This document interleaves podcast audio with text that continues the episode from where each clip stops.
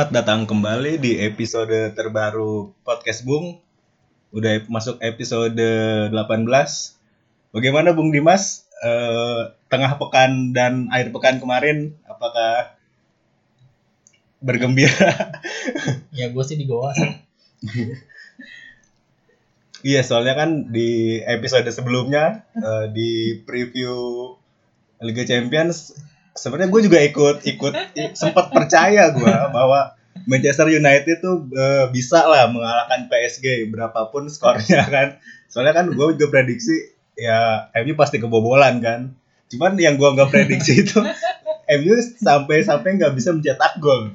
Gimana Bung Dimas? Gue sih Ya, gue juga sebenarnya apa terkejut juga sih di tanding tersebut. Tapi setelah gue perhatiin berapa menit setelah 30 menit 40 menit tandingan, ya gue liat ya mainnya kayak begini susah nih lawan PSG gini mah. Karena di awal-awal kan sempat ngegas ya nyerang-nyerang, pressing Iya. juga ketat. Cuman buntu. Dan sialnya waktu itu kan si PSG marking ketat si Pogba dan Alhamdulillah United eh, MU kan kalau Pogba dijagain itu bakal kesulitan lah kayak lawan Burnley dan masalahnya ini bukan Burnley maunya Hmm. si si Marquinhos yang kebetulan di pelatih di gelandang pertanding terus terusan tuh ngikutin Pogba ke mana pun dia pergi Hmm. dan PSG juga bisa nyuri-nyuri kesempatan buat nyerang serangan balik bahkan di babak pertama itu ada satu momen di mana lost offside udah lautin kiper tapi dia nanging menceng sebelum dia golin ya oh iya itu. dan di Maria kan pas pas babak pertama tuh di apa dijagain mulu sama Ashley Young Hmm. dan petaka datang itu pas si siapa si Martial sama si Jesse Lingard cedera utama sih Jesse Lingard kan Jesse Lingard kan tuh apa eh pressingnya juga bagus kalau ketika MU lagi bertahan Ih, cederanya hampir barengan gak sih itu dua orang itu? Di, waktunya ditarik deketan, keluarnya. waktu deketan Oh. cuman si dua-duanya masih sempat main sampai akhir waktu pertama cuman ya gitu Babak kedua kan ya baru pas ditarik. awal babak kedua ditarik Hmm. eh enggak sih si Martial diganti Sanchez tapi pas dia masuk langsung habis pas injury time maksud gua Iya. Ya, re- reaksi gue sih, reaksi gue terhadap pertandingan itu, nih jujur gue sih, gue belum pernah ya, gue belum pernah mengisap ganja. Cuman gue bisa merasakan lah apa sensasi ba- kebahagiaan yang tercipta itu seperti apa di Rabu dini hari kemarin. ya soalnya dan eh, benar kata beberapa pandit yang bilang soalnya kan kunci MU tuh kan di Pogba kan. Udah setelah kemarin gue lihat Pogba nggak berkutik nggak bisa mengalirkan bola ya udah buntu serangan MU di, di, di liga nggak ada yang nggak ada yang bisa jagain Pogba ya kenapa di liga nggak ada yang jagain Pogba ya soalnya kan nanti weekend belum dateng nih weekend tanggal 24 oh. Apa? ya gol kalau gue sih MU emang la- layak kalah sih menurut gue dari Hmm. segi permainan. Dan juga kan eh, sempat beberapa kali di babak pertama sebelum selain Pogba dijaga passing-passing United tuh jelek banget tuh gue bahkan padahal si PSG tuh sering juga bikin kesalahan sendiri di pertahanan sendiri tapi itu nggak dimanfaatin. Dan ya oh ya kan prediksi gue minggu lalu bener kan terjadi kan? Tuh backnya PSG si Kim Pembe tuh berbahaya dia. Dia cetak satu gol kan kemarin. Itu harusnya dia kena kartu merah loh di babak pertama tuh. Kenapa dia? Berapa Iya. kali dia ngelanggar si Rashford si oh ya dia awal babak pertama dapat kartu kuning ya kalau nggak salah kan? Itu hujan kartu kuning coy. Oh. Si wasitnya emang parah sih menurut gua. Apa eh ngomong banget ngeluarin, ngeluarin kartu bahkan si si Pogba juga dapat kartu merah di akhir babak kedua Iya, malah gue liat awal-awalnya bukannya kayaknya si Ashley Young di- ya apa sih Iya. yang merah, cuman gue kalau salah. di MU tuh ini yang dapat kartu kuning tuh Pogba Herrera Matic tuh tiga tiga gelandang dapat kartu kartu kuning semua sama Ashley Young Eh, Lindelof juga dapat dapat kartu kuning banyak banget dan si PSG juga golnya kan dalam waktu yang berdekatan Eh, si siapa Kimpembe dan si Kylian Mbappe. Dan sialnya itu adalah ketika eh, Pogba dijaga kan si Herrera kan bantu kan support buat Hmm. isi posisinya Pogba. Dan sekalian dia juga ngepres si Marco Verratti. Nah cuman ini eh ruang yang dijaga si Herrera itu ditempatin oleh si Matic. Nah si PSG tuh pintar dia manfaatin ruang kosong antara Matic dan back back tengah lini belakang MU tuh buat passing ke sayap-sayapnya mereka dan ini kan kalau lu lihat lu lihat gol kedua ada itu di Maria sama Young beda banget Iya. kalah kalah lari anjir Angel Di Maria masih masih ada coy belum habis. Dua gol eh dua dua assist dan satu bir dia dapat Trafford. karena babak pertama dia sempat di body sama Young sampai mental ke tribun anjir Iya itu. Makanya dia kesel kan. Itu kan sebelum gol kan ya di bodinya kan. iya Betul. pertama loh Iya makanya dia kesel makanya dia cetak dua assist tuh. Kalau sama Ashley yang nggak di body dia pasti nggak nggak dendam Ashley yang mainnya nggak nggak se apa ya nggak sehebat itu di babak kedua pasti.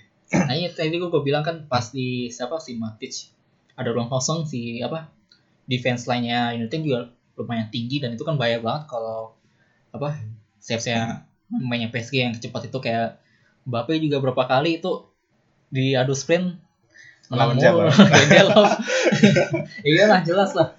Dari segi kecepatan juga juga kalah.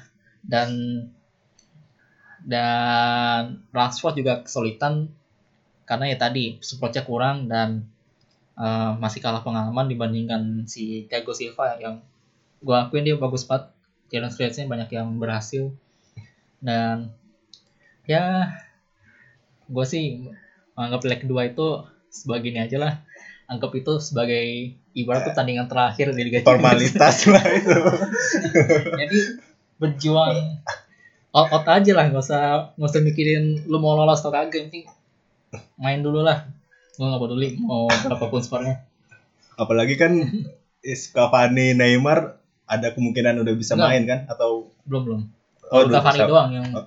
kemungkin- kemungkinan ya kemungkinan kalau Iya. Neymar kan kalau Neymar kalau sampai Mei deh Oh, Neymar baru- lebih parah ya. Iya, berarti Mbappe, Cavani tiga gol lah minimal bisa. Tambahan Cavani satu tiga gol. Terus apalagi match kemarin tengah pekan AS Roma FC Porto yang main bareng MU ya itu Ah, yang sama. satu Zaniolo bagus lah Zaniolo dua gol. wonderkid-nya AS Roma kan masih iya 19 dia- tahun kalau salah ya. sebenarnya dia bukan andalan.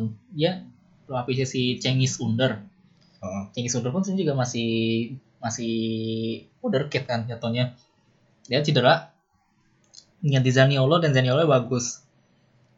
Dan ya 2-1 sebenarnya belum amat sih buat Roma. Nggak cuman Roma kayaknya dia gimana ya di di apa secara keseluruhan kayaknya dia lebih mengandalkan apa potensi pemain-pemain muda gitu. Gue sih ngeliatnya jadi kayak mirip Ajax gitu nggak sih? Jadi nggak juga sih. Enggak maksudnya di- dia tuh terlalu fokus ke pemain muda jadi untuk nanti di kalau udah matang dijual-jualin gitu pemainnya. Udah, udah jadi apa ya kayak produsen pemain bola lah udah. Soalnya emang siapa pemain Roma yang main yang dari muda terus diorbitkan Hmm. jadi bagus. Enggak, maksudnya gua gua nggak ngelihat ada hasrat untuk bisa mencapai prestasi di liga gitu. Kayak misalnya untuk membayangi Juventus kayaknya nggak semangat. Jadi gue sih ngeliatnya semangatnya itu untuk mencetak pemain-pemain Kalau- muda yang bisa kalau gue dijual lihat Gua- itu Roma karena pemain mudanya bagus. Karena pemain yang mereka beli tuh rata-rata bapuk. Kayak apa ya? Kayak berapa kali tuh Roma transfer main yang gak sesuai harapan. Bahkan Justin Clifford yang anaknya siapa? Peter Clifford sekarang Oh. ke mana coba? Nggak cuma kan hitungannya itu dia dibelikan masih muda juga kan masih jadi muda cuman ya Roma kan sebenarnya juga investasi juga banyak. Mereka beli uh, Patrick Schick.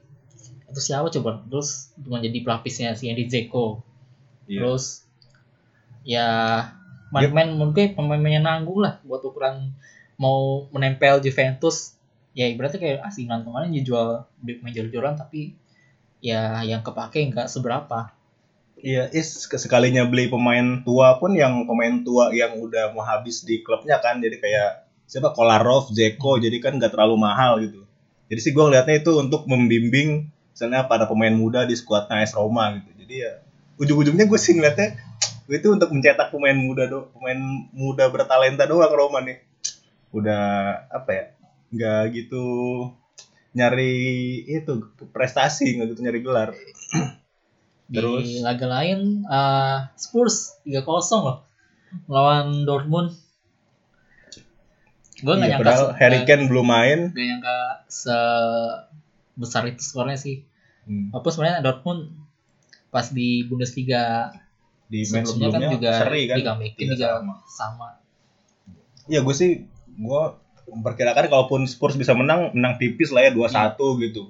Dan Dortmund gue cuman gue nonton highlightnya sih highlightnya Di- Dortmund banyak serangan. Iya di babak pertama dia banyak serangan. Hmm. tapi ya ini sih si Son Heung-min emang lagi gila tuh orang. Dia ngasis nggak sih? Apa gol doang? Gol doang sih.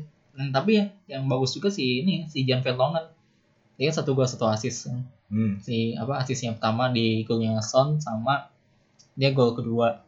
Dan tadinya tuh dia jadi back kiri. Posisi posisi naturalnya sebenarnya dia tuh. Cuma kan sekarang sekarang kan dia jadi back tengah. Iya. Bukan back kiri malah dia kalau di Ya, line up sih gue liat malah iya wing back mengarah midfield malah midfield apa wing. Terus oh ya ke absennya Harry Kane diganti sama Heung Min Son sama Lucas Moura jadi striker. Terus si Fernando Llorente juga masuk di babak kedua bisa cetak gol kan? Iya. Tumen-tumenan tuh orang kalau di liga kayaknya malah cetak gol bunuh diri ternyata terakhir gue lihat. Terus tapi ya Spurs dengan kemenangan 3-0 ini menurut gue semakin Ya. menunjukkan inkonsistensi dia sih. Jadi soalnya kan nggak diharapin bisa menang gede eh tiba-tiba bisa menang gitu. Ntar kalau di liga tiba-tiba main di kandang dia harusnya menang malah seri gitu atau malah kalah. Jadi ya, ya, tapi gue gue nggak sih Spurs Spurs eh, melangkah jauh sih menurut gue ya di Liga Champions bisa lah. Spurs sampai semifinal belum pernah kan. Jadi mencatatkan rekor dulu sampai semifinal. Jadi di apa di liganya biar keteteran aja. tergantung lawannya siapa ntar. Gue menurut gue tuh udah satu langkah di perempat Iya final gue dan tiga kosong. Kecuali satu setengah kaki udah di kecuali mereka main goblok di leg 2 nih. Terus apalagi ya? Real Madrid nih ya match satunya 2-1. Ajax Real Madrid. Dua itu satu. gue lihat eh, gol dari VAR tercipta di situ ya? Gue belum nggak nonton. Janulir malah iya kan? Ah, golnya? Ajax ya? Itu iya. Si Nicola Tagliafico golin pakai sundulan Janulir sama wasit gara-gara si Dusan Tadic dalam posisi offside sebenarnya dia nggak dalam posisi merebutkan bola cuman katanya gerakannya dia itu mengganggu si siapa? Thibaut Courtois yang lagi mau maju. Apa? Oh jadi di- dianggap aktif gitu ya gerakannya menghalau bola. Ya padahal itu agak kontroversial juga sih karena kan ya harusnya kan kalau dia nyentuh bola baru kan ya dihitung Hmm. offside kan. Lagi juga yang datangin bolanya kan si ini kan siapa? Si Courtois yang ngarah jalan ke arah siapa? Si Tadic itu. Hmm. si Tadic kan posisinya ngebelakangin. Kan dia pun kalau dia emang mengganggu niatan dia kan nggak begitu. Niat mungkin dia niatnya nggak ingin mengganggu kiper cuma kan karena refleks saja kan karena posisi dia di belakang belakang gawang dia nggak tahu di belakang dia tuh ada si Courtois Iya. tapi ya sebenarnya sih bukan hasil mengejutkan sih kalau menurut gue. Karena ya Ajax juga lagi biasa-biasa mainnya belakangan ini dan Real Madrid Real Madrid juga lagi menanjak kan menanjak. mulai kembali ke performanya lah. Terus Hmm. kalau hasil dari liga-liga Eropa yang sudah berjalan, Champions sudah semua Champions sudah kan udah 4 match. oh iya udah di Eropa ya Soalnya Liga Inggris kan Hmm. liganya libur tuh Piala FA. Apa sih yang main? Gue udah gak ngurusin Piala FA. ya lu nggak lolos ada sih MU main tar Itu kan satu satu satu satunya peluang MU meraih trofi musim ini kan Piala FA. Jadi seharusnya Bung Dimas nih lebih paham nih Piala FA. ya lawan mainnya Selasa dini hari sih karena Chelsea kan baru main Liga Eropa Oh iya. pas Jumat kemarin ya Chelsea ya mereka kan dalam situasi yang serba sulit juga kan sekarang udah kalah habis kalah 6-0 eh tapi ngomong-ngomong yang 6-0 lu gimana liat pertandingan itu yang pas kemarin yang City bisa ngebantai 6-0 kayak di luar prediksi kita semua waktu itu kan BTW Iya, 6-0. Ya gue sih prediksinya Chelsea bisa agak menyulitkan lah gitu kan. Eh babak pertama malah berapa 4-0 ya? Iya. Kemarin tuh babak pertama selesai gue langsung ganti, gue nonton Liga Belanda langsung lebih seru. Apa kemarin tuh? Gue nonton PSV ganti. iya Kalau sih udah, iya udah 4-0 mah udah lah. Udah acak-acakan. ya di pas Liga Eropa pas lawan Malmo juga biasa-biasa aja mainnya walaupun menang 2-1 dan pas Ya padahal Malmo kan pelatihnya udah diambil MU dia cuma bisa menang Bukan. 2-1 doang. beda coy Malmo Swedia Ini mau apa? Malmo Malmo FF klub Swe- Swedia Iya kan ini Malmo juga, emang beda. beda Solskjaer tuh Molde Oh iya mal, mal oh iya Molde, gue kira ini sama. Iya terus, Ya. oh iya big match Chelsea MU, abis itu udah kan sisanya. Iya, sisanya. Ya menurut gua MU kalau bisa menang lawan Chelsea itu peluangnya lebih besar menurut gua. Karena tim besar satu-satunya tinggal dihadapi teman. Tinggal si Manchester City doang di atas kertas ya. Iya tahu tahu aja. City ya ah lawan juga gampang banget kemarin. Enggak, ntar ini babak berapa sih 16 besar ya? 8 besarnya ntar Man City versus Chelsea atau MU nih. Jadi satunya tim anta beranta yang masuk final. iya kan nggak ada lagi. Paling Peles udah langsung semifinal ini. Kok semifinal langsung sih gimana? Perempat doang ya kali. Ya Chelsea jadwal pada baca ya. BTW kan nanti Senin Senin atau Selasa dini hari kan dia lawan MU nih. Iya. Terus- Terus itu weekendnya lawan Kamis, Kamisnya dulu. Kamis lo. Kamis, Kamis malam Jumat Oh ya Liga Ah. Eropa langsung leg 2 ya? leg 2 lawan Malmo. Minggunya lawan City lagi di Piala Oh. Liga. ya karena bokap ya itu Sari nggak mau langsung mundur aja dari sekarang Aduh. Udah Liga Eropa. Liga Eropa kemarin eh, hasil mengejutkan apa La Liga Barcelona cuma menang 1-0 lawan Valladolid gol penalti. Ya, so-so lah. Padahal kan si Valverde di perpanjang kontrak. oh baru perpanjang ya Iya, gue liat di Twitter tuh banyak yang fans kesel ya. fans Barca udah mulai keluar-keluar meskipun Barca aja di mention nggak ngerti ini ngomong apa orang-orang Indonesia Nanti itu yang komen sampai puluhan ribu. Nih di IG-nya Barca. iya kalau di IG sih gue nggak ngeliat gue liatnya di Twitter doang. Ya, terus Liga Italia tadi Eh, Real ini La Liga masih La Liga. oh La Liga ya. Tadi barusan si Real Madrid kalah 2-1 padahal baru kita puji dia lagi menanjak performanya. Iya di Liga turun lagi. Turun lagi kalah 2-1 Iya ada kartu merah lagi satu nih. Iya Siapa si tuh? Sergio Ramos. Dia apa dianggap wasit sengaja handball oh dan akhirnya si Christian Penalti. Suatoni nyetak gol dari penalti hmm. dan PTW Eh tapi enggak dong. Itu Stu- Stuani penaltinya menit 65, Ramos kartu merahnya menit 90.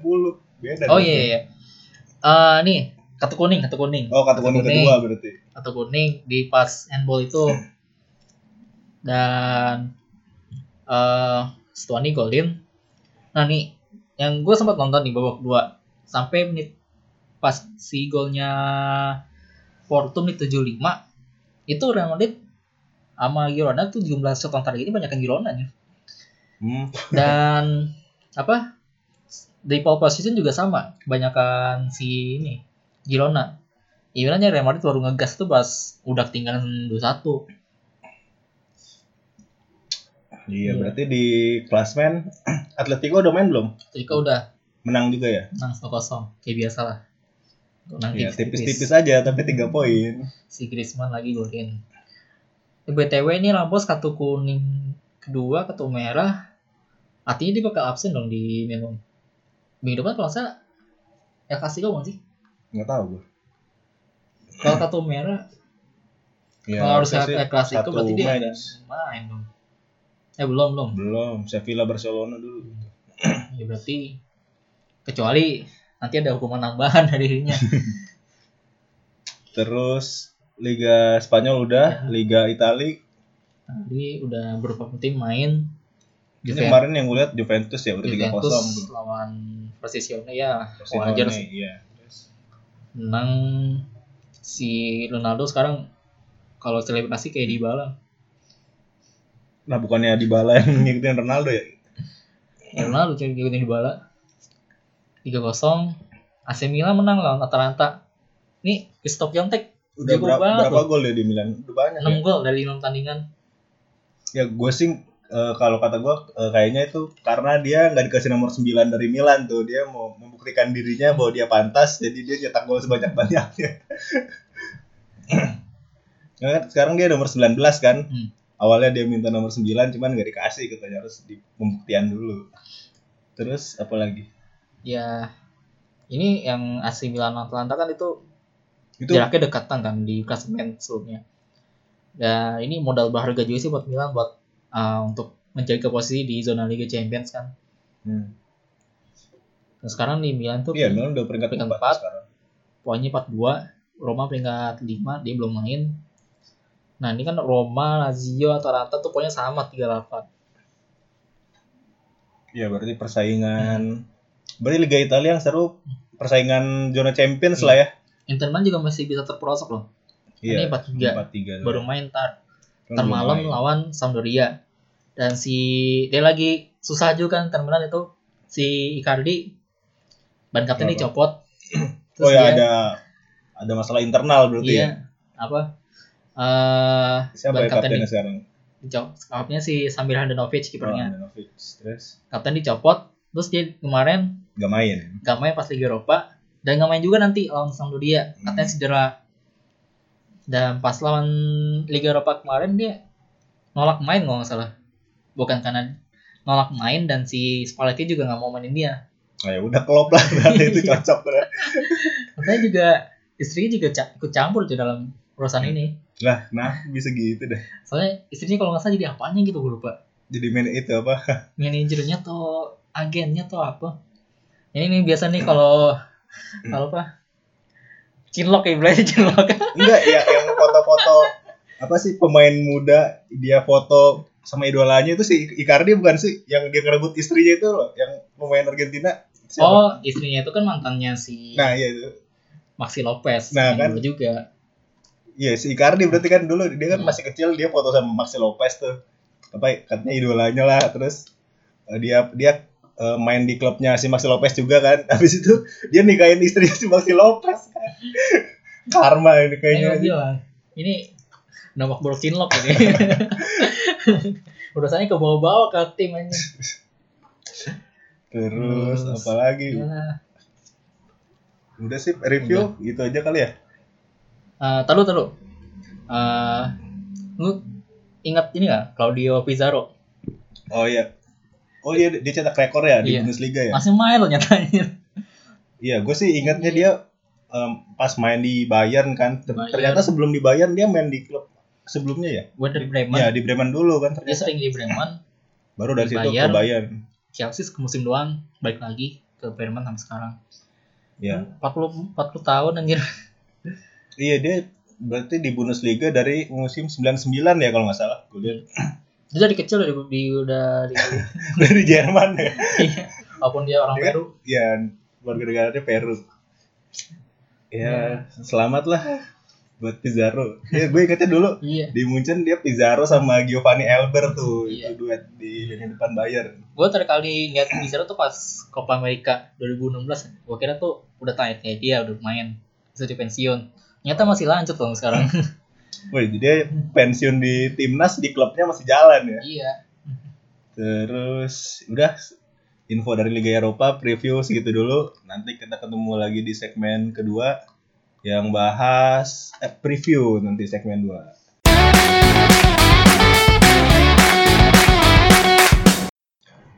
Segmen 2 podcast Bung. Kali ini kami akan membahas eh, preview dari pertandingan 16 besar Liga Champions yang akan bermain di tengah pekan nanti Rabu dan Kamis dini hari. Kita mulai dari yang bermain Rabu dini hari dulu nih. Hmm. Yang pertama yang yang nggak bakal disiarin dulu deh kita bahas nih ada Liverpool Bayern. Wih, bukan dong. Kalau itu nggak disiarin UEFA bangkrut nanti. Semua disiarin sebenarnya. Ya, yang di TV nasional kan yang disiarin satu doang nih. Mohon maaf, yang Lyon El- Olympic Lyon Barcelona nggak disiarin. Terus Lyon Barcelona, Barcelona udah tapi gitu malah agak turun ya grafiknya dia. Ya, so-so lah mainnya. Ya, Lyon Kalau tandingan Lyon- terakhir dia menang lawan apa gue lupa tuh. Ah, 6-2-1 deh kalau nggak salah. Iya, cuman di, di klasmen Lyon Klasmen peringkat 3 di bawah PSG sama Lille. Ya, terus ya Nabil Nabil Fekir main yang bagus lah. Apa mudah-mudahan musim depan masih menarik perhatian Jurgen Klopp untuk dibawa diboyong ke Anfield ya. Terus Sebenarnya yang di Lyon juga banyak sih yang berbahaya kan si Memphis Depay juga bagus. Terus ada Apa? main Yang- main Dembele anjir.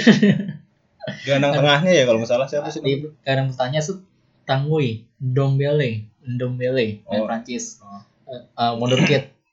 Terus di depan juga ada Moussa Dembele. Tuh. Ada Moussa Dembele-nya Spurs yang dulu kan Belgia. Iya, ini bukan ya orang yang sama, beda, Beda lagi. beda. Dia 22 tahun striker. Oh, tapi namanya Moussa Dembele juga. Iya. Oke. ada Osmane Dembele.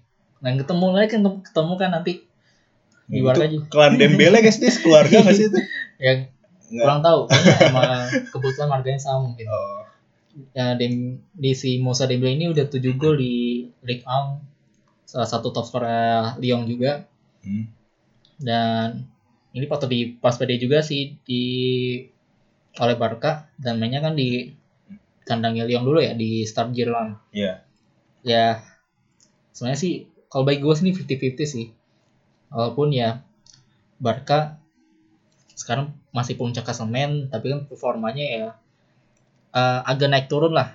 Mungkin dia terbantu dengan inkonsisten lawan-lawannya yang bikin mereka tuh masih di atas klasemen Hmm. Terus?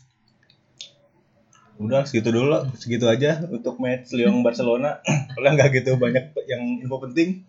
Kita pindah ke pertandingan yang disiarkan langsung di TV nasional. Antara Liverpool versus Bayern Munchen. Leg pertama di Anfield mainnya eh s- eh, Klopp pas hari Senin minggu lalu dia memboyong berapa ya sekitar 18 19 pemain Dubai untuk enggak training enggak aja anjir. training camp ke Marbella. Marbella itu di daerah Spanyol kalau nggak salah ya.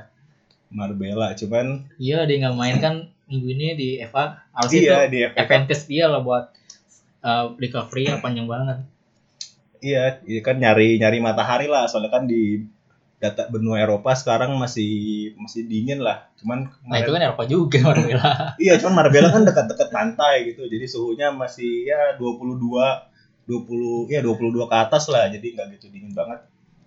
Terus apa lagi ya? Belum ada apa kabar positif dari pemain-pemain yang cedera malah ada si Dejan Lovren malah diragukan dia bisa main soalnya ada masalah sama betisnya atau apa gitu. Jadi dia gue baca berita Kalau nggak salah ada yang akumulasi kartu nggak sih Liverpool? Liverpool. Gue pernah baca Van Dijk itu. Oh iya Van Dijk nggak main karena akumulasi cuman siapa back backnya solo masih ada. Siapa? ada Joel Matip masih ada. Terus Fabinho. Fabinho bisa bisa ditarik ke belakang lah. Terus back kanannya sini siapa James Miller. James Miller iya James Miller Kan juga Alexander Arnold baru fair- banget cedera, fair- baru banget sembuh kan. dia Baru banget sembuh kayaknya ya riskan juga sih kalau langsung dipaksain main. Iya Milner, Fabinho, gue masih optimistis lah. Jadi seenggaknya tidak akan dipermalukan 0-2 di kandang sendiri. Gua gue Masih lihat pegang aja. Pegang kata-kata gue. Masih lihat aja nanti. Berapapun sparring gue yakin bakal kerepotan Liverpool. Iya soalnya kan eh, emang ya eh, eh, apa eh, kelemahan Liverpool sekarang ini emang di lini pertahanan kan. Cuman dari tengah ke depan ya masih bagus lah. Wijnaldum kemarin udah main lagi, jadi apa motor di lini tengah tuh udah bergerak lagi, udah hidup lagi. Jadi supply supply ke lini depan udah lancar lagi. Nanti trio gelandangnya siapa? Kan si Milner sama si siapa? si Fabinho kan di geser ke belakang. ditarik ke Kira belakang. siapa? Selain Wijnaldum sama Naby Keita. Satu lagi siapa? Di tengah, iya Naby Keita juga udah agak apa sih? Udah lebih baik lah performanya sekarang. Tinggal satu lagi di tengah. Sama. siapa ya Henderson juga boleh ditaruh di tengah nggak apa-apa terus kalau mau agak bermain lebih kreatif ada ada melalana bisa taruh di tengah enggak lah di, di stok di tengah tuh nggak nggak kekurangan masih cukup lah meskipun ya Lapis keduanya. anjir. lapis keduanya ya ya namanya juga lapis kedua ya ya, terus da, kalau dari dilihat dari sisi lawannya Bayern gue baca apa ada berita si Niko Kovac sendiri dia bilang nih Bayern tuh di di liga di liga di Bundesliga dia bermainnya sudah tidak terlalu fokus gue baca ada newsletter gitu ya Itu, ya pasti kan dia nggak terlalu fokus karena udah apa mikirin match di Anfield nih Liverpool. Jadi ya Bayern juga tidak datang dengan dengan congkak. Dia pun datang dengan takut ke Anfield. Terus ya kalau gua lihat di match terakhir si Bayern Munchen dia comeback lawan Augsburg 2-3 ya Eh, dan kalau menurut gua kotanya si Bayern udah jelas sih ada di posisi football. Karena dia di Bundesliga aja rata-rata posisi footballnya 62,5 persen dan dia sangat mengandalkan bola-bola pendek permainan menyerang dan sering juga nyerang dari sisi kiri loh di posisinya Alaba dan eh, Kingsley Coman yang kemarin itu nyetak dua gol pas lawan Augsburg ya kirinya dia berarti kan kanannya Liverpool kan ya Iya. Oke ada James Milner bisa itu digasak satu-satu Milner. tentu Terus eh, apalagi kekuatannya Bayern? Em, perlu juga diingat si Joshua Kimmich eh back kanan karena dia juga versatil posisinya Hmm. itu udah nyetak 10 assist dan dia adalah tiga dari tiga pemain dengan di liga top Eropa yang udah nyetak dua digit eh, assist selain Eden Hazard dan Lionel Messi. Tapi menurut gue kekuatan terbesar di Bayern Munchen itu ada di lini tengah karena di situlah mereka punya si Leon Goretzka, Diego Alcantara, Javi Martinez sebagai gelandang bertahan Hmm. dan pusat pusat serangannya si Oh, iya. Bayern Munchen menurut gua di musim ini ya lebih tepat main di tengah sih walaupun mereka di sisi kiri berbahaya karena kan kita tahu sendiri sekarang si Bayern Munchen sudah sangat mengurangi ketergantungan mereka terhadap duet Robin Ribery dan Iya. sekarang di kalau gue lihat statistiknya di Liga aja di Bundesliga si dua pemain ini juga udah nggak nggak kontribusi banyak. Golnya baru dikit. Gak nyampe 5 kalau kalau setahu gue seingat gue ya yang gue lihat dan jelas si Robert Lewandowski yang bakal sangat berbahaya di kotak penalti dan dia kan top skor sementara Liga Champions ini. 8 Iya. gol. Itu harus kejar keras tuh si siapa? Si Joel Matip sama sama si Fabinho Iya. Ya jual Matip sih gue agak ya kalau dengan ada Van Dijk gue lebih aman sih di belakang. Cuman ya Fabinho bisa lah mengcover Van Dijk. Terus kalau si? Jurgen Klopp kan gegen pressing kan mainnya ya ya direct kan berarti kan otomatis hmm, ya ini ya eh, strateginya sangat berbanding terbalik sama si ini kan pasti sama si Niko Kovac yang ada ball position berarti ya eh ini kerja keras sih menurut gua si gelandang Liverpool buat mengimbangi gelandangnya Bayern Munchen dalam hal urusan penguasaan eh, bola. gitu. penguasaan bola. Karena ya back back Bayern Munchen juga nggak bisa dianggap remeh kan untuk kalaupun Liverpool bisa nyerui serangan balik, mereka punya Kimmich dan Alaba, terus Jerome Boateng, Ya back tengahnya Bayern fit semua ya. iya Jerome Boateng, Hummels sama Boateng. Hummels, dan mereka juga sering rotasi sama si Niklas Sule, Hmm. dan kualitas mereka juga nggak jauh beda. Maka tiga-tiga juga gelandang timnas kan. Iya. Ya, secara pengalaman ya menurut gua Bayern Munchen punya keunggulan. Liga bagaimana nih Liverpool maksimalkan laga kandang ini kan? Kalau kalau sampai kelewatan ya ya agak berat juga sih main di Allianz Arena menurut gua. Iya, gue sih eh, prediksi gue eh, pressingnya Liverpool nanti di lini belakangnya Bayern itu bisa mencuri satu gol tuh ada.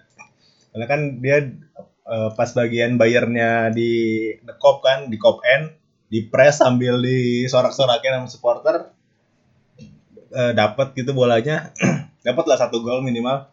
Prediksi gua eh, eh, Liverpool ya akan berusaha mencuri gol dan clean sheet. 1-0 2-0 lah. Paling gede 2-0 sih. Itu, itu gua.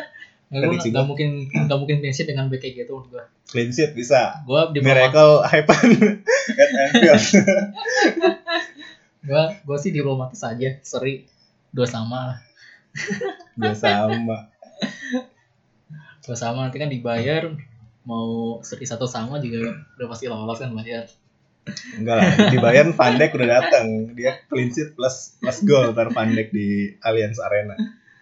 Ya eh, jalannya pertandingan menurut bakal berubah kalau misalnya ada kartu me- kartu merah lah di, di satu satu salah satu tim. oh kartu merah. Kalau dari sisi Liverpool sih menurut gua enggak lah. Soalnya para pemainnya tuh bisa masih bisa menjaga emosi lah kalau main di kandang dia. Nggak Iya, akan bertindak ceroboh untuk bisa menimbulkan kartu merah Siapa di tahu ntar wasitnya iya tuh macam-macam. Kayak ada VAR juga sekarang di Champions kan. iya VAR terus Lanjut dari match yang Kamis dini hari ada Atletico Madrid lawan Juventus. ya, Dan match pertama di Madrid dulu yang akan jadi final tempat final juga nanti kan stadionnya Hmm, si Atletico Wanda Metropolitano. ya Dan ya ini sebenarnya jadi tes Juventus. Alasan Juventus merekrut Ronaldo ya buat ini. Buat ya untuk berjaya di Liga Champions Champions. Dan Atletico dan ini dua tim ini kan sama-sama punya pertahanan yang kuat walaupun filosofi Juventus kan sangat beda sama si Atletico Madrid. Atletico Hmm. Madrid itu kan mainnya sangat ya katakanlah pragmatis lah.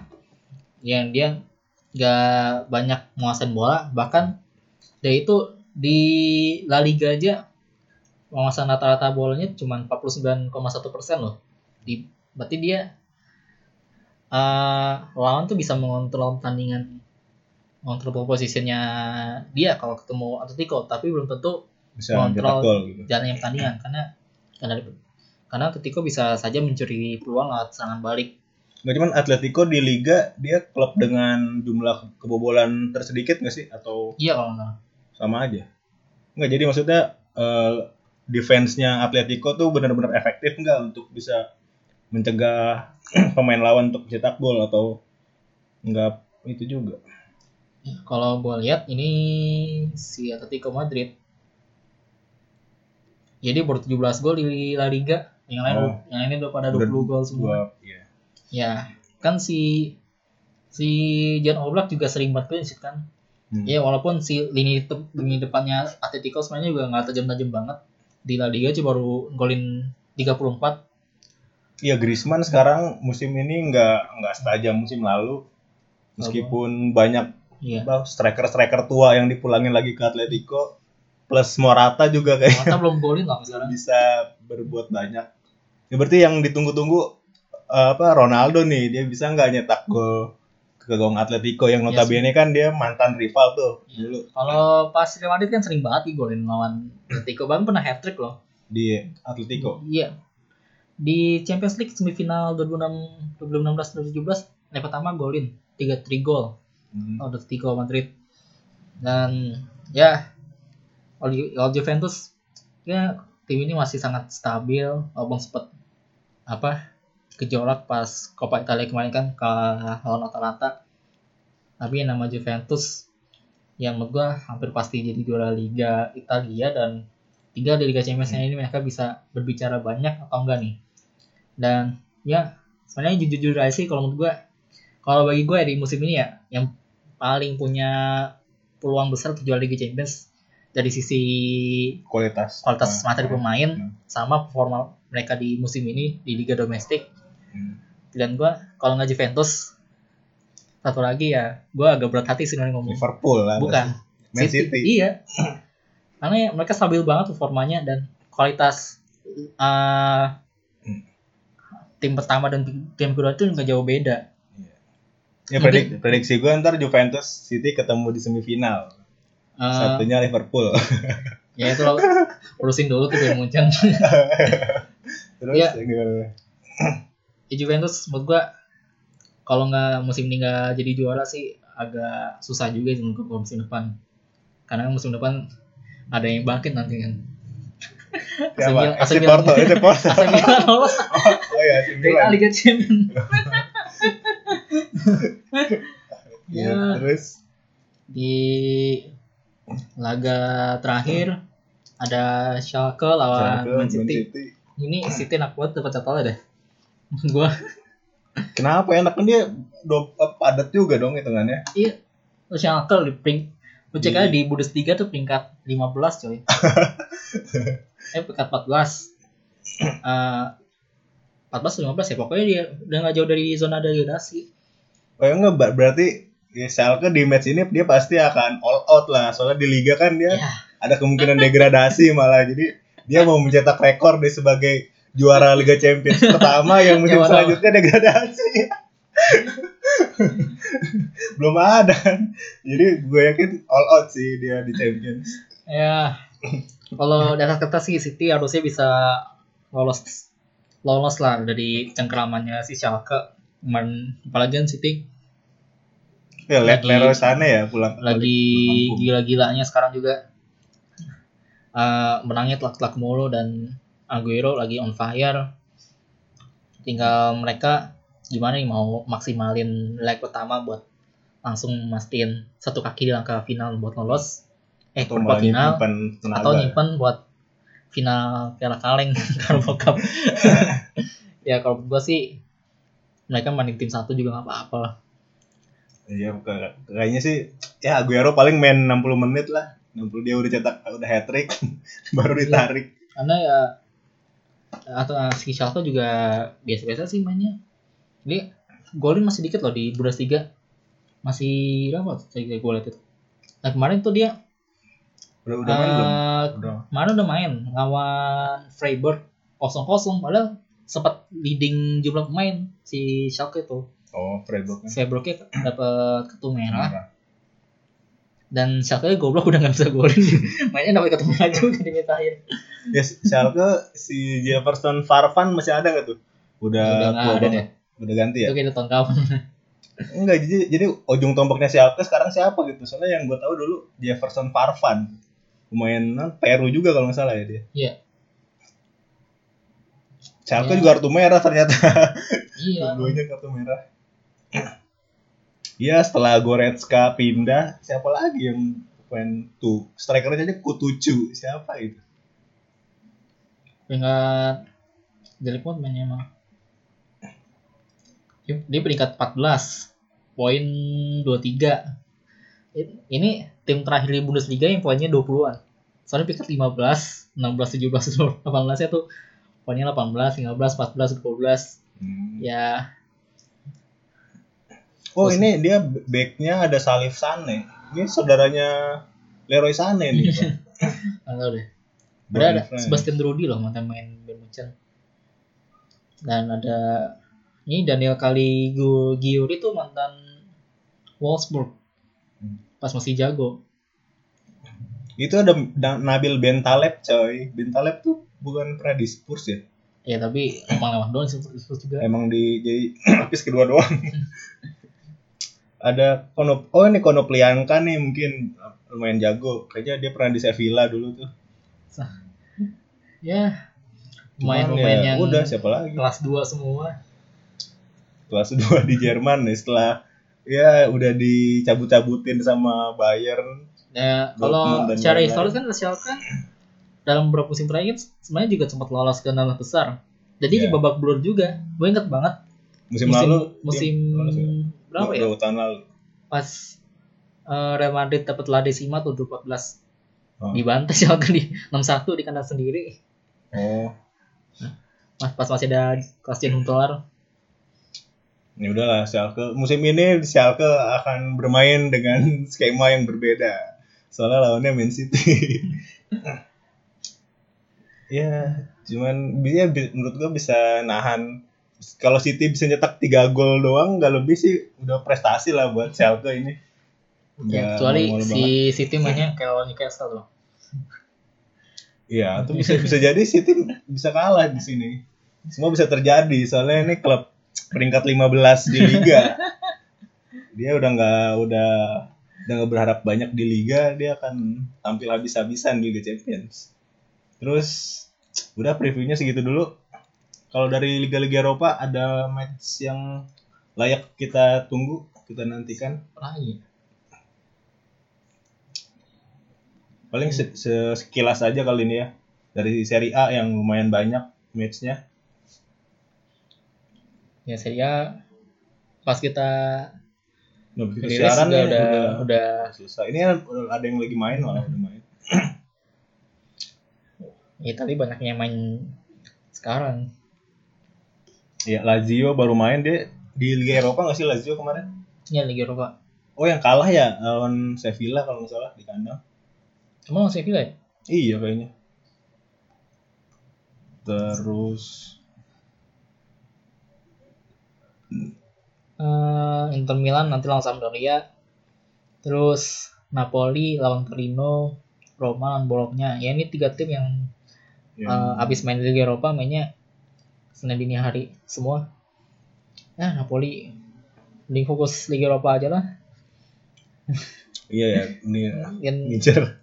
BTW si siapa? Marek Hamsik baru resmi pindah ke Dalian Gifang setelah Dia udah berapa lama di Napoli? udah lama banget. Pas Napoli promosi musim 2007-2008 si Hamsik udah di situ. Udah satu dekade lebih lah. Legenda itu top score sepanjang masa sama sama caps terbanyaknya Napoli.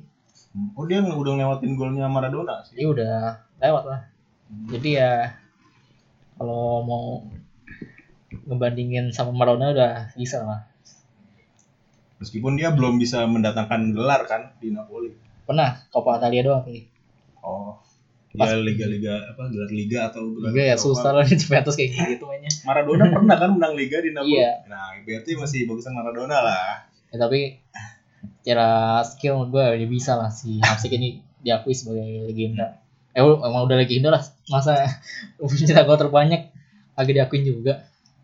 Ya. Udah segitu dulu preview dari Liga Champions dan Liga Eropa.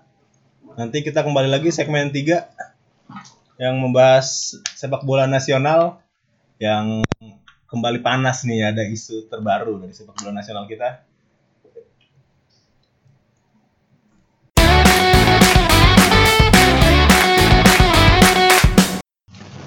Segmen 3 podcast Bung. Segmen ekstra nih biasanya kami dua segmen doang.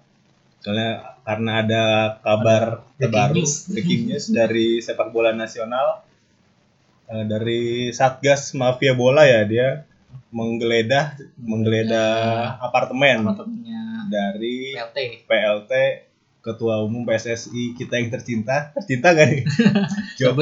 Driono terus statusnya gue lihat udah ditetapkan sebagai Iya. tersangka ya Jadi gimana lanjutannya ibaratnya kayak kado Valentine-nya dari Satgas. Eh, Joko Triono jadi tersangka. Hmm. Kan sebelumnya di pas hari Kamis itu kan digeledah kan. Hmm. Satgas disita tuh berapa barang bukti? 9 buah handphone. Gila tuh handphone sampai 9 anjir? Ngapa? Itu ketua PSSI apa admin? Akun apa tuh Terus? handphone laptop. Apalagi gue lupa tuh. Ya pokoknya utama itu. Nah, Jumat kan Jumat malam. Akhirnya ditet- ditetapkan sebagai tersangka. Ya awal sih gue di bilang dikira-kira tuh tersangka pengaturan skor tapi akhirnya di di oleh satgas juga dan oleh akun resmi PSSI dibilangnya dia si Jogdri itu eh, bersalah tersangkanya karena ini perusakan barang bukti. Jadi eh, berapa hari atau berapa minggu sebelumnya kan PSSI juga sempat menggeledah kantornya PT Liga ya di Rasuna Said. Hmm. dan itu sejumlah barang bukti itu dirusak padahal udah dipasang polis lain dan itu oknumnya si ada bahkan OB-nya anjir. OB OB PSSI Hmm. ada OB Persija juga. Jadi kantor PT Liga tuh nyatu sama kantornya Persija. Ada dokumen keuangannya dirusak juga CCTV juga dirusak yang gue kasihan sih si OB OB nya itu dia tersangka karena disuruh sama si Jogri katanya. Oh dia dia udah ngaku disuruh sama siapa gitu. iya. Ya. Jogri kalau menurut gua walaupun perlu- kasusnya perusahaan barang bukti tapi gak tutup kemungkinan juga dia bakal terlibat juga di kasus pengaturan skor karena kan ya lu ngapain coba kalau misalnya lu nggak tahu apa apa tentang pengaturan skor ngapain merusak barang bukti? Dan ini makin ruwet juga karena kan eh, liga masih lama masih bulan Mei mainnya dan eh, timnas Indonesia U22 nanti bakal di AFF otomatis kan konsentrasinya terpecah dan eh, berapa hari pas tanggal kemarin kan siapa klub yang dipunyai oleh si Jokri Jokri ini si Persija Hmm. kalah lawan Newcastle Jet dan siangnya striker andalan mereka Marco Iya Simic kena kasus juga kena itu. ya. kasus kasusnya terulang aja yang dulu itu Iya. kasus pelecehan seksual Cuman kali ini bedanya di di atas pesawat ya. Dan pabrik. udah di ya teritorialnya di udah negara lain. Jadi penyelesaiannya beda lagi. dia akhirnya nggak boleh pulang ke sini harus menyelesaikan kasusnya dulu Eh, dan ya makin ruwet ada sih urusan si PSSI dan yang gua sorotin semua ini sih apa Eh, kan udah banyak ini ya apa namanya eh, orang-orang yang akhirnya jadi tersangka kan. Mulai dari anggota exco terus anggota komdis lah jadi tersangka terus eh, anggota PT Liga jadi tersangka Eh, terus akhirnya si Jokri tersangka Vegetal juga tersangka. Tapi kayak gimana ya semangat sebagai supporter Indonesia itu masih belum ada dalam eh, untuk membenahi eh, kasus-kasus ini kasus-kasus sepak bola nasional. Karena ya mungkin karena fanatisme yang berlebihan mereka ibaratnya eh, mereka sangat semangat ketika mungkin lawannya tuh lagi terlibat ibaratnya bisa ngebully lah gitu lah kasarnya. Hmm. lalu giliran akhirnya klubnya disebut di- diungkap ikut terlibat juga dalam transfer mana tuh orang tuh oh, hilang jadi pas, pas apa klub lawannya yang apa yang kena kasus dia malah apa Iya. kalau pas misalnya klubnya sendiri dia kayak menutup mata gitu ya pura-pura Iya. nggak tahu segala macam ya kalau menurut gue sih eh sikap itu ya nggak perlu lah. Menurut gue kan ini kan apa siapa pun yang terlibat ini kan juga demi kebaikan secara keseluruhan kan. Iya. demi jangka panjang lah gitu. Karena gue pernah kesel di media sosial kalau misalnya ada orang mengunggah fakta nih misalnya Tirto nih. Tirto mengunggah fakta nih? Hmm. si Jokri misalnya bersalah. Ada yang nyalain gini. Wah ini Tirto nih adminnya dukung B nih dukung C nih. Demo demo demo. Ngapain demo kantornya coba? Kan masalahnya kan bukan gitu. Hmm. emang bakal selesai kalau misalnya lu demo kantor Tirto gara-gara klub lu disinggung-singgung. Ya Hmm. menurut gua masih banyak yang kurang dewasa lah supporter kita tuh buat nyikapi kasus-kasus kayak begini Cuman kalau gue sih ngeliatnya ya anggap aja itu dia sebagai eh, netizennya para supporter lah. Jadi kan di tiap apa ya di lapisan masyarakat itu kan ada masyarakat Iya. biasa, terus ada masyarakat netizen lagi. Nah ini tuh apa lapisannya ada lapisan supporter nih dia netizennya supporter nih di bawahnya lagi. Jadi ya dimaklumi aja lah kalau misalnya, misalnya dia berkuar-kuar di media sosial yang apa berusaha untuk me- melindungi klubnya sendiri kalau misalnya dia emang ter- tersangkut gitu. ya mungkin karena faktor literasi juga sih gua kan Ah. ya kita tahu lah kita negara berflower lah negara berkembang gak semua orang oke lah mereka mungkin udah sekarang udah aktif di media sosial tapi kan mereka tentu tuh lah ngerti tentang internet itu apa tentang masalah ini apa. Atau ketika dia dia apa sih dia ngomentarin apa ya apa judul berita di Tirto itu mungkin dia cuma ngomentarin judulnya doang dia belum baca sampai iya. artikelnya kayak apa gitu kan. Jadi kadang ya, juga akun-akun fanbase juga nggak- kadang-kadang mancing juga sih. Hmm, Eh, apa screenshot sesuatu lah yang belum apa nggak secara utuh. Iya. terus mancing-mancing di captionnya akhirnya banyak yang kebakaran jenggot di komentarnya buat buat menghujat eh, kubu lawan gitu katakanlah gitu Hmm. nah yang cuma disesalkan kan selagi mereka ini saling ribut mereka mereka yang di atas para penguasa petinggi klub kan mereka fan fan aja Iya. mereka tetap tetap untuk dapat duit gitu. dapat duit ya lu ibaratnya gini lah eh, emang bosnya Persija sama Persib tuh bakal musuhan nah kalau kita ketemu nggak mungkin kalau misalnya ketemu nggak mungkin pukul-pukulan kan. Iyalah ngapain? Mereka temenan loh. Satu bapak loh sebenarnya kalau apa Persija Persib itu. Tapi ya sportnya gitu. Belum tercerahkan lah. Ya jat- jatuhnya kayak gini malah supporter terus-terusan jadi jadiin objek. Cuma jadi suruh Hmm. nyanyi-nyanyi di stadion aja tapi kurang aktif dalam mengkritisi klubnya sendiri karena kan ya eh, mendukung klub itu kan nggak cuma soal menang dan kalah tapi kan harus tahu lah gimana kondisi internal lo ya gua ya contoh aja lah buat Juventini yang di Italia itu kan klubnya terdegradasi Hmm. ya mereka terima-terima aja. Walaupun gue tau gue tahu pasti ada yang tersakiti juga cuma kan ya mungkin di level yang berbeda lah Hmm. karena kan ya pun kalau misalnya klubnya jadi tersangka pengetransfer di degradasi kan itu bukan bukan kiamat kan bisa jadi Iya, balik lagi balik lagi kan ya gue sih ngelihatnya eh, kalau ribut-ribut supporter ini jadi kayak kayak apa kayak smoke screen gitu apa ya, Iya. pengalihan isu buat misalnya misalnya menutupi kasus yang misalnya petinggi petingginya yang lebih besar jadi nggak nggak kesorot sama media kan jadi media lebih nyorotin yang ini yang akar rumput yang gontok-gontokan gak jelas Iya. ini iya sih. Ya itulah. Ya selagi ibaratnya usaha satgas kalau gua kan ketika pas banyak supporter yang uh, terhasut oleh oleh berita-berita yang kayak gini kan banyak yang bilang misalnya istilah gini apa? Ungkapannya jangan ganggu papa kami kalau masih cari kerja di kota X lah kan Iya. apa kami itu maksudnya ini yang si Jogdri Iya. harusnya diubah Ya, jangan ganggu satgas mafia kalau masih pengen sepak bola Indonesia maju Oke, kita akhiri sampai di situ saja episode kali ini. Kita ketemu lagi di episode selanjutnya.